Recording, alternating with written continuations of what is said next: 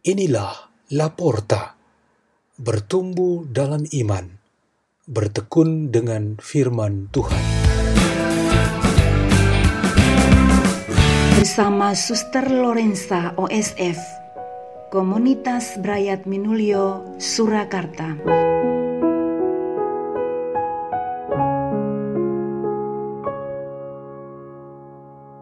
Bacaan dan Renungan Sabda Tuhan Hari Selasa Pekan Biasa ke-16 21 Juli 2020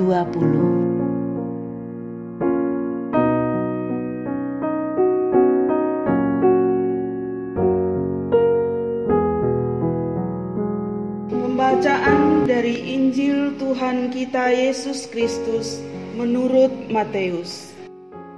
Sekali peristiwa Ketika Yesus sedang berbicara dengan orang banyak, ibu dan saudara-saudaranya berdiri di luar dan berusaha menemui Dia.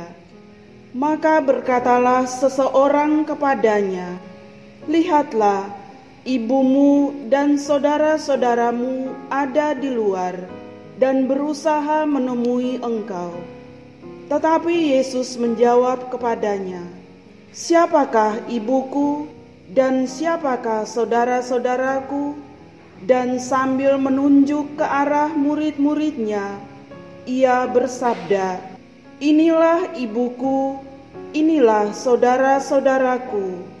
Sebab siapa pun yang melakukan kehendak Bapakku di surga, dialah saudaraku, dialah saudariku, dialah ibuku. Demikianlah Injil Tuhan.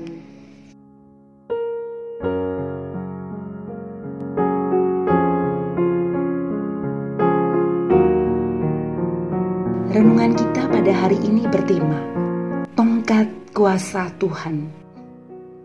Tradisi dalam banyak budaya politik menjadikan tongkat sebagai simbol kekuasaan. Kita mengingat Musa memakai tongkat untuk menampilkan kuasa Allah yang bekerja dalam dirinya untuk memimpin bangsa dan umat Allah. Para raja dan presiden negara-negara juga memakai tongkat dengan makna simbolik kekuasaan yang mereka miliki.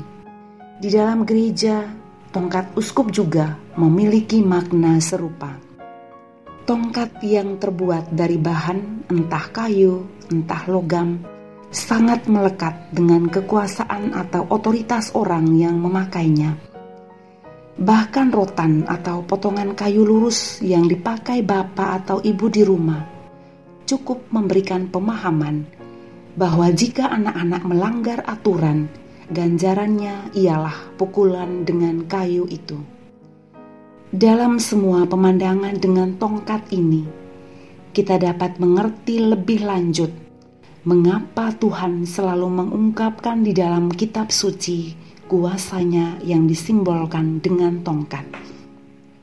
Ia berkata dalam nubuat Mika dalam bacaan pertama hari ini, bahwa ia menggembalakan umatnya dengan tongkatnya.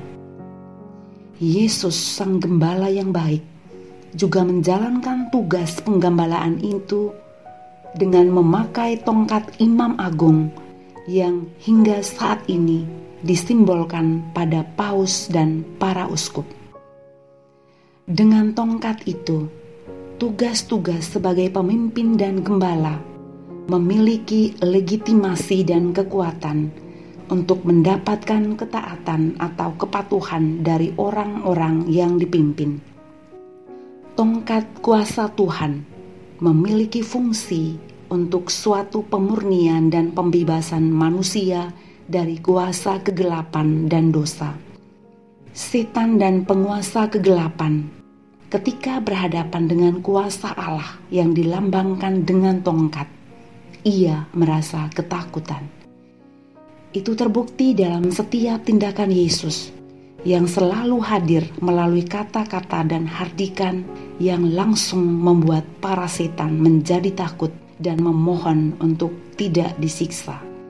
Berkat tongkat, kuasa Tuhan itu, segala dosa kita dapat dicampakkan ke dalam dasar laut Demikian kata Nabi Mika.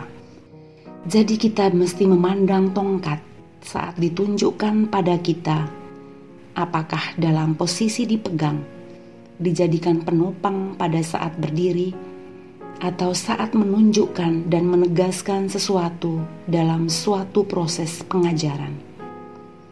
Yesus menunjuk dengan segala kuasa yang ada padanya ketika ia mengajarkan bahwa para murid dan rasul sesungguhnya adalah ibunya dan saudara-saudaranya.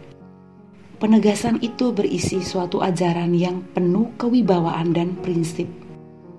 Ajaran itu ialah bahwa melaksanakan kehendak Allah merupakan tugas utama setiap pengikut Kristus. Tongkat kuasa Yesus itu sampai detik ini berada pada tangan paus dan uskup di tempat kita masing-masing. Kita harus mendengar dan mengikuti Bapa Suci dan uskup kita. Marilah kita berdoa dalam nama Bapa dan Putra dan Roh Kudus. Amin. Ya Tuhan, semoga kesetiaan dan ketaatan kami kepada gereja senantiasa kuat dan bertahan, khususnya melalui ketaatan kami kepada Bapa Suci dan Uskup kami. Kemuliaan kepada Bapa dan Putra dan Roh Kudus, seperti pada permulaan, sekarang selalu, dan sepanjang segala masa. Amin. Dalam nama Bapa dan Putra dan Roh Kudus. Amin. La porta, la porta, la porta.